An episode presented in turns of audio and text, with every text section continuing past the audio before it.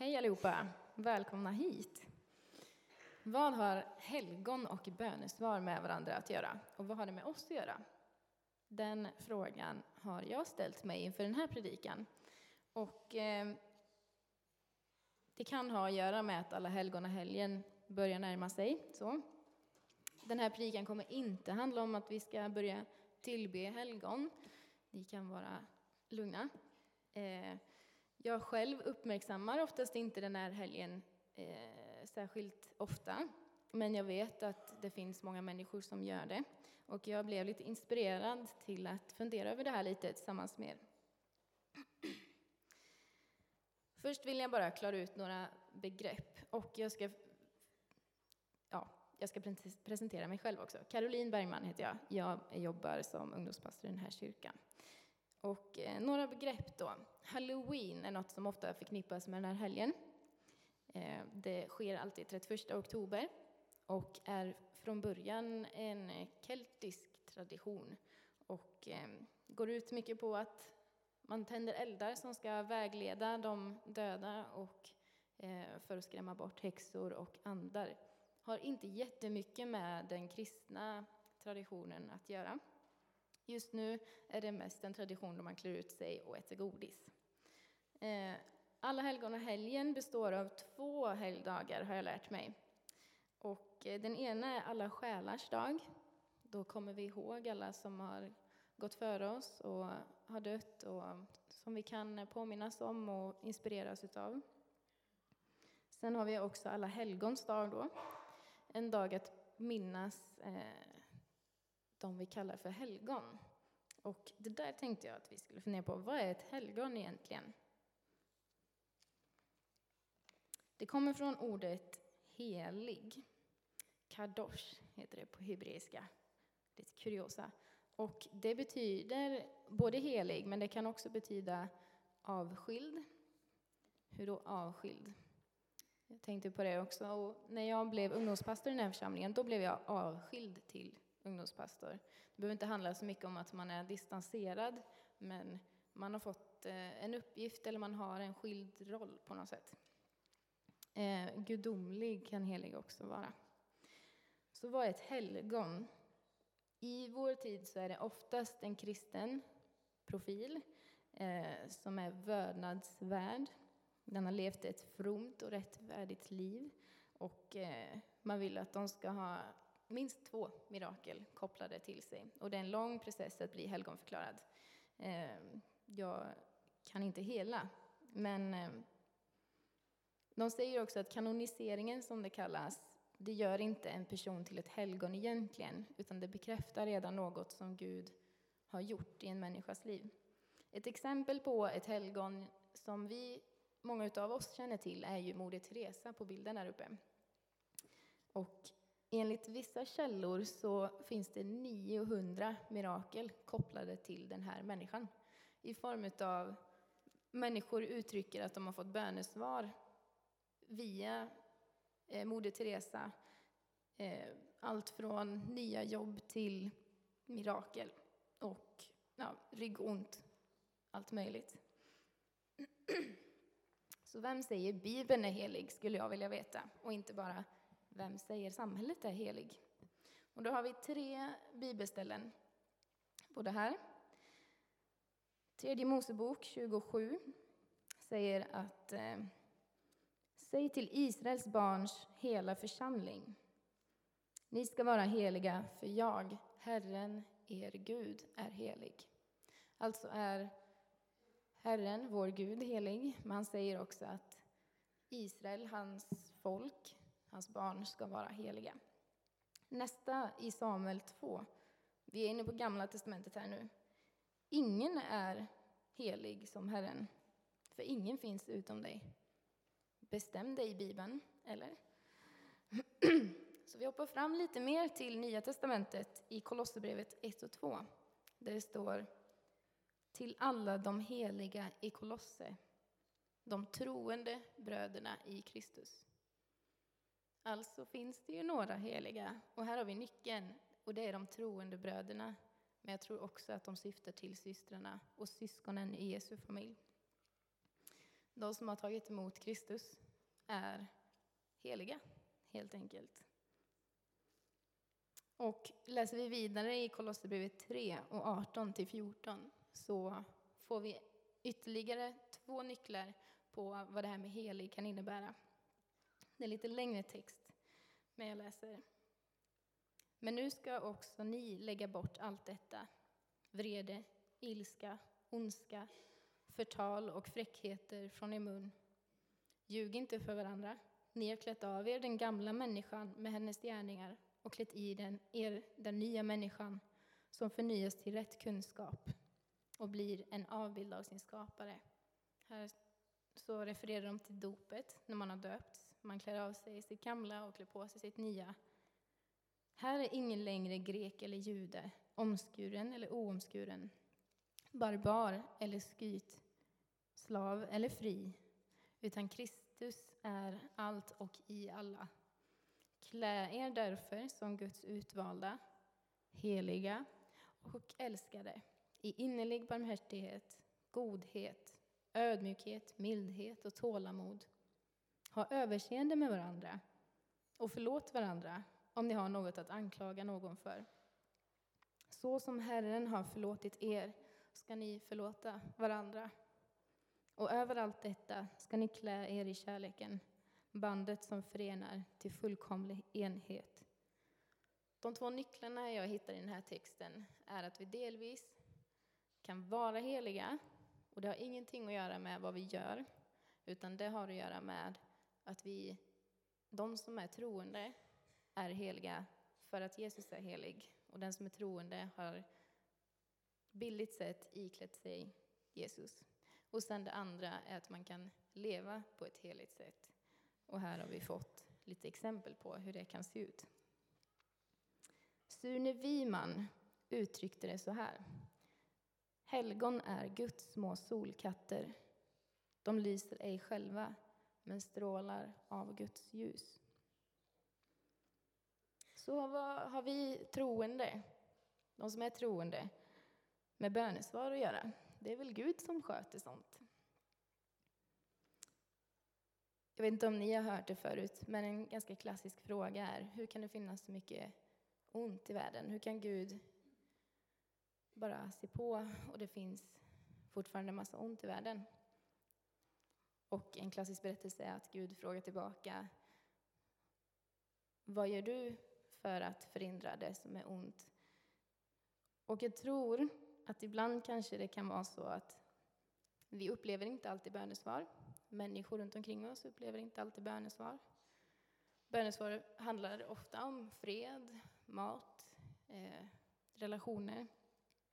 Sånt som vi förknippar, när det är brist på det, som ondska i världen. Men ibland kan det nog vara så enkelt, tror jag, att bönesvaret ligger hos en helig, hos en troende, som bara inte lyder Guds uppmaningar. Vi ska läsa från Apostlagärningarna 9, om du vill vara med mig i din bibel. Bakgrunden till den här texten är en man som heter Saulus och får namnet Paulus lite senare. Han hatar kristna, förföljer kristna och är på väg till Damaskus för att fortsätta med det. Men så möter han Jesus på vägen och blir blind. Och här kommer vi in i berättelsen. Saulus reste sig från marken och när han öppnade sina ögon kunde han inte se. Då tog de honom i handen och ledde honom in i Damaskus. Under tre dagar såg han ingenting och han varken åt eller drack. I Damaskus fanns en lärjunge som hette Ananias. Till honom sa Herren i en syn. Ananias. Han svarade, här är jag, Herre. Och det här ordet vill jag stanna upp vid lite grann. Här är jag är i Bibeln ett ganska vanligt gensvar när någon ropar. Och inte bara här är jag som i jag är här borta, för Gud vet vart de är. Utan mer som ett här är jag, jag lyssnar och jag vill höra vad du har att säga till mig och jag vill respondera på det. Och ett av de vanligaste, eller kändaste ställena som har burit mig ibland står i Jesaja 6 och 8, där Gud undrar, vem ska jag sända? Och vem vill vara vår budbärare? Då sa jag, här är jag, sänd mig. Jag tycker jag känner igen den här attityden hos Ananias när Gud tilltalar honom. Vi kommer tillbaka till texten igen och fortsätter. Då sa Herren till honom, res dig och gå till raka gatan och fråga i Judas hus efter en som heter Saulus från Tarsus. För han ber. I en syn har han sett hur en man som heter Ananias kommer in och lägger händerna på honom så han kan se igen. Ananias svarade, Herre, jag har hört av många hur mycket ont den mannen har gjort mot sina heliga Jerusalem. Och nu är han här med fullmakt från översteprästen att gripa alla som åkallar sitt namn. Alltså, det Gud vill att vi ska göra är ibland jätteenkelt och ibland är det jättesvårt, kan vi känna. Ananias skulle gå till en person som högst troligt skulle gripa honom, kanske döda honom. Det var vad ryktet sa. Ehm. Men det, det ville Gud att han skulle göra. Eh, för Saulus hade bett. Och Gud vill svara på Saulus bön. Ibland kan det vara lite beroende på vilken kultur och vilken person vi är också, vad vi tycker är svårt och vad som är mod för oss. Men då kan vi behöva be om Guds rustning, som det står om i eh, Efesierbrevet 6 och 10, och skorna, som det talar om. Det är villighetens och beredskapens skor att gå ut och göra det som Gud vill som en respons på hans kärlek och budskapet om Jesus kärlek för oss. Och så kommer vi in i texten igen. För då kan Ananias gå. För han är mitt utvalda redskap för att bära fram mitt namn inför hedningar och kungar och Israels barn. Och jag själv ska visa honom hur mycket han måste lida för mitt namns skull. Då gick Ananias, och när han kom in i huset la han händerna på honom och sade Saul, min broder, Herren Jesus som visade sig för dig på vägen hit, har sänt mig för att du ska kunna se en och bli uppfylld av den helige Ande. Genast var det som om fjäll föll från hans ögon. Han fick tillbaka sin syn och han reste sig och blev döpt. Han sa inte Hej, du är bäst. Eh, kan jag inte få bli kompis med dig? Utan det han gjorde var att han responderade på, på Gud och på det Jesus hade gjort. Och eh, vilken grej att han fick sin syn tillbaka för att Ananias valde att gå. En tanke man kan få är att eh, men bad Paulus verkligen om att få tillbaka sin syn? Man kan ju tro det, det står inte i texten, men man kan tro det.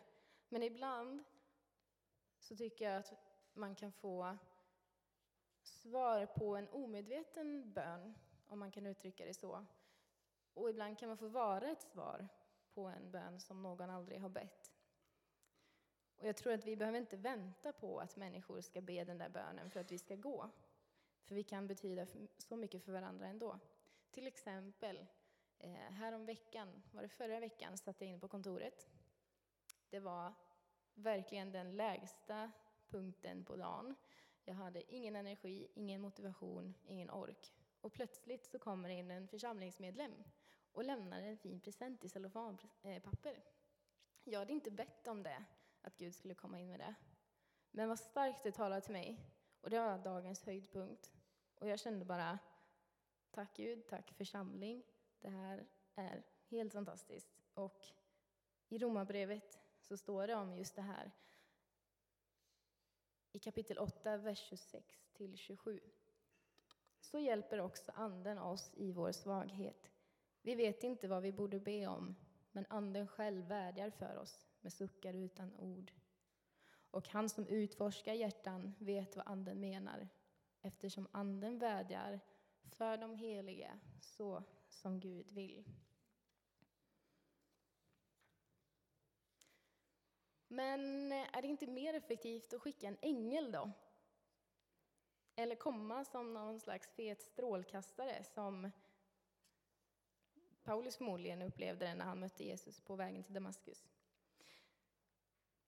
Jo, det skulle det kunna vara. Men jag har tre invändningar. 1. Människor blir rädda typ varje gång de ser en ängel i Bibeln. Inte riktigt den reaktion Gud skulle vilja att vi fick när han ska komma och ge ett bönesvar.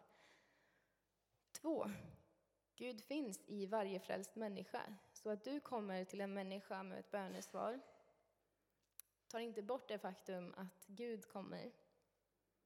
Och det finns en anledning till varför vi har lättare att förstå Jesus många gånger än Anden eller Gud. För att det kommer i en människoform och vi kan relatera till det.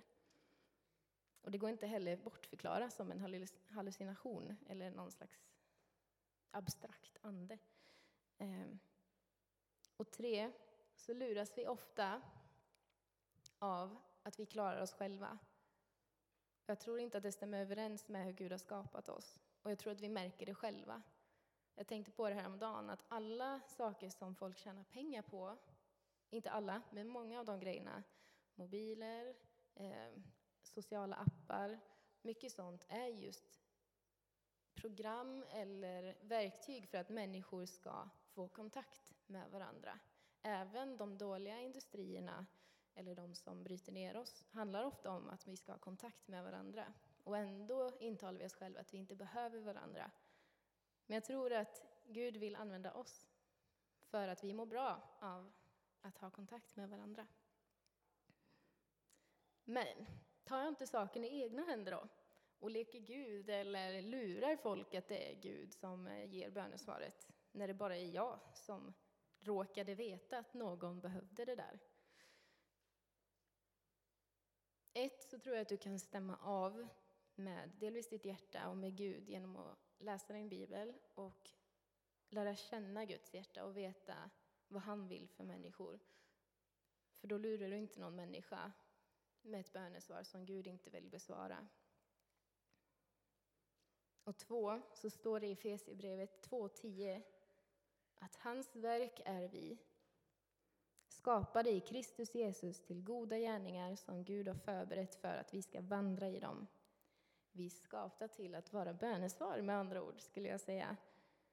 Det är Gud som svarar när någon kommer till dig eller när du kommer till någon. För det är helt enligt hans planer. Mm. Men varför ska vi lyda? Det är så sånt jobbigt ord. Och varför ska vi göra saker som vi kanske är obekväma med?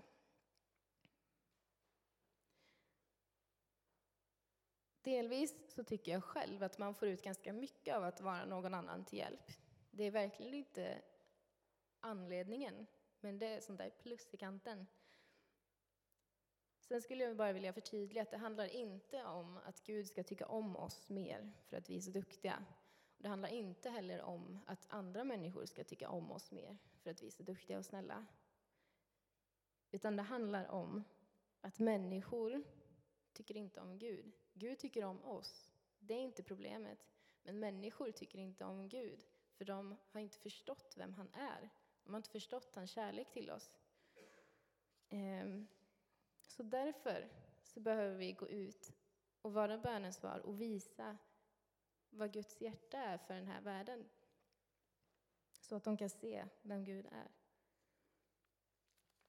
Jag har ett eh, eget exempel på hur det här kan ha skett i mitt liv. Jag har en erfarenhet från Segalstorp, ungdomslägret som var i somras. Och jag kände att jag ville bli använd. Eh, och så fick jag, det var en av kvällarna där. Det var ett ungdomsmöte och det var en typ slut. Och det var bara några som satt kvar. Och jag var en av dem som var förberedare som var kvar. Och jag kände, Gud, kan du inte använda mig på något sätt? Jag är här. Um, och så fick jag syn på en flicka som satt nästan längst bak. Hon satt själv. Hon satt ihopsjunken med en luva över huvudet. Jag såg inte hennes ansikte. Och jag tänkte, jag kunde inte sluta, min blick ville bara komma tillbaka till henne. Jag tänkte jag, kanske ska be för henne. Och sen så slog det mig att nej, men jag kan inte bara ta för givet att hon behöver bön bara för att hon ser ledsen ut. Jag kan inte bara gå och döma ut folk sådär. Eh, och det känns ju inte så gudomligt att det är ganska obvious att om någon ser ledsen ut så vill man hjälpa till. Men eh, det, ibland så gör man saker så krångligt och man vill att det ska verka så väldigt magiskt när Gud ska göra någonting. Men ibland kan det vara så enkelt. Och eh, jag bestämde mig till slut för att gå fram till henne och fråga om hon ville ha bön. Hon bara nickade jättelite så här. Jag såg fortfarande inte hennes ansikte.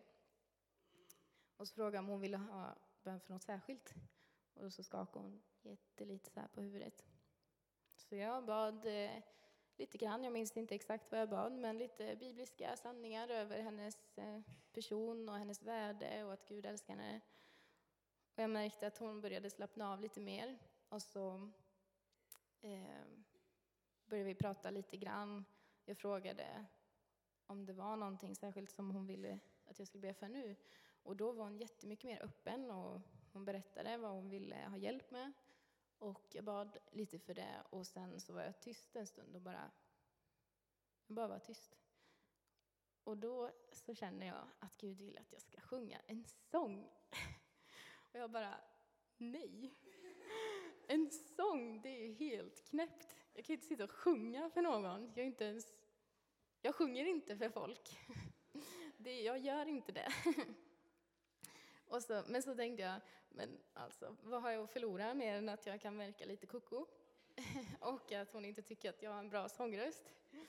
Eh, och tänkte att jag, jag ville ju att Gud skulle göra något annorlunda så. Så jag testade väl då. Och så sjöng jag eh, Du omsluter mig på alla sidor. Och då så bara bröt hon ihop. Och sen bara slängde hon sig i min famn och jag bara, jag vet inte ens vem du är. Och hon bara, Åh! Och så från att gå till den här jätteslutna tjejen som inte ville prata med mig till att bara slänga sig i min famn. Jag kände bara, tack Gud, vilken nåd, vilken godhet han hade den kvällen. För att jag vågade gå på det här enkla som inte var tillräckligt andligt till en början och sen till att göra något som jag verkligen inte vågade göra. Det var wow. Och eh, dagen efter så kom hon fram till mig och jag kände inte igen henne för att jag knappt hade sett hennes ansikte. Men hon kom fram och hon tackade så mycket för att jag vågade komma fram till henne och be. Hon var kanske 14 år. Inte ens jag säger tack till folk ibland när de gör någonting bra för mig. Och inte för att verkligen upphöja mig, utan den spontana tanken var ju wow, att jag fick vara med om det här. Eh, tack Gud. Och den här, det här blocket är också en sån minnesgrej som jag tar med mig från när jag vågade säga Här är jag, sänd mig. Eh, och räcka ut min hand till en medelålders mamma eh, som på Hawaii som råkade vara svensk eh, och som dagen efter gav mig den här som ett tack. Eh, och det är inte ens alltid vi får den här positiva responsen. Det är inte alltid man får en positiv respons när, någon, när man försöker hjälpa någon. Jag vill bara uppmuntra dig till att fortsätta ändå. För det handlar inte om att få deras positiva respons, utan det handlar om att göra Guds vilja på den här jorden.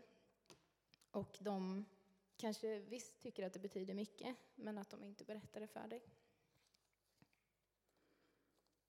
Jag tycker Svenska kyrkans hemsida uttrycker det ganska bra. Det här. Att få spegla Guds godhet, att få vara en liten solkatt som gläder någon.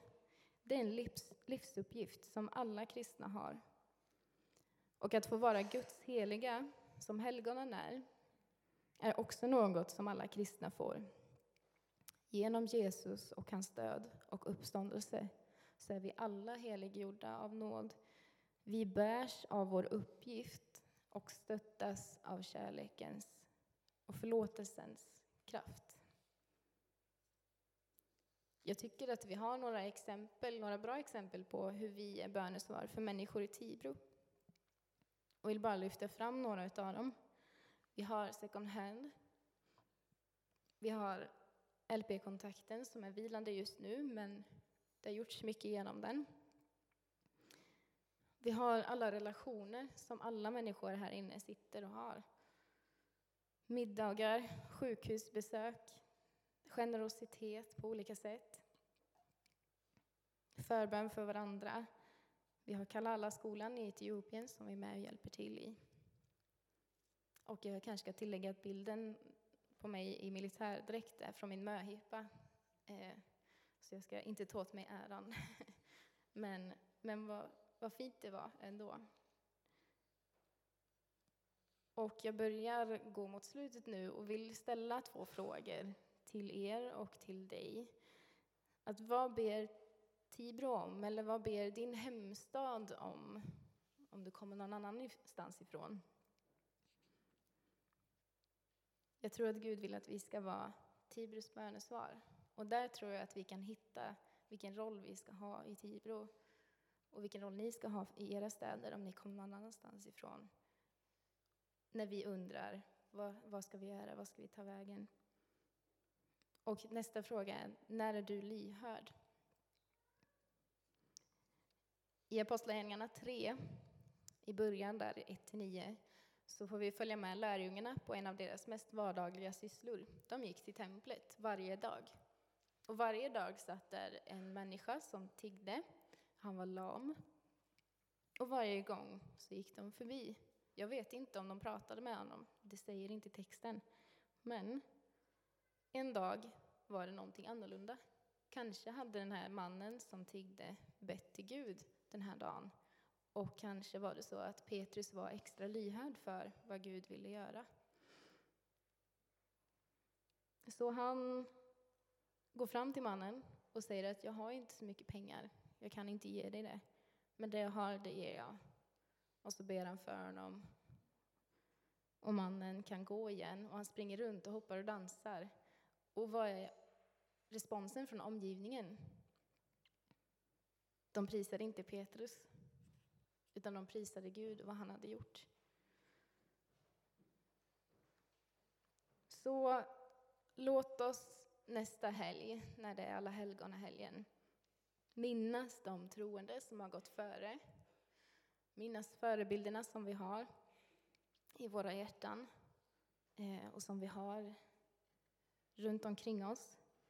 Och låt oss också fortsätta spegla Gud som de här solkatterna i människors liv.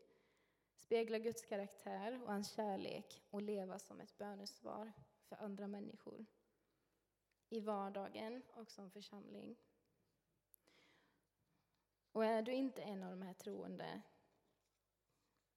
men känner att det bultar på hjärtat och vill ge ditt liv till Jesus så berätta det för någon och vi ber för dig gärna.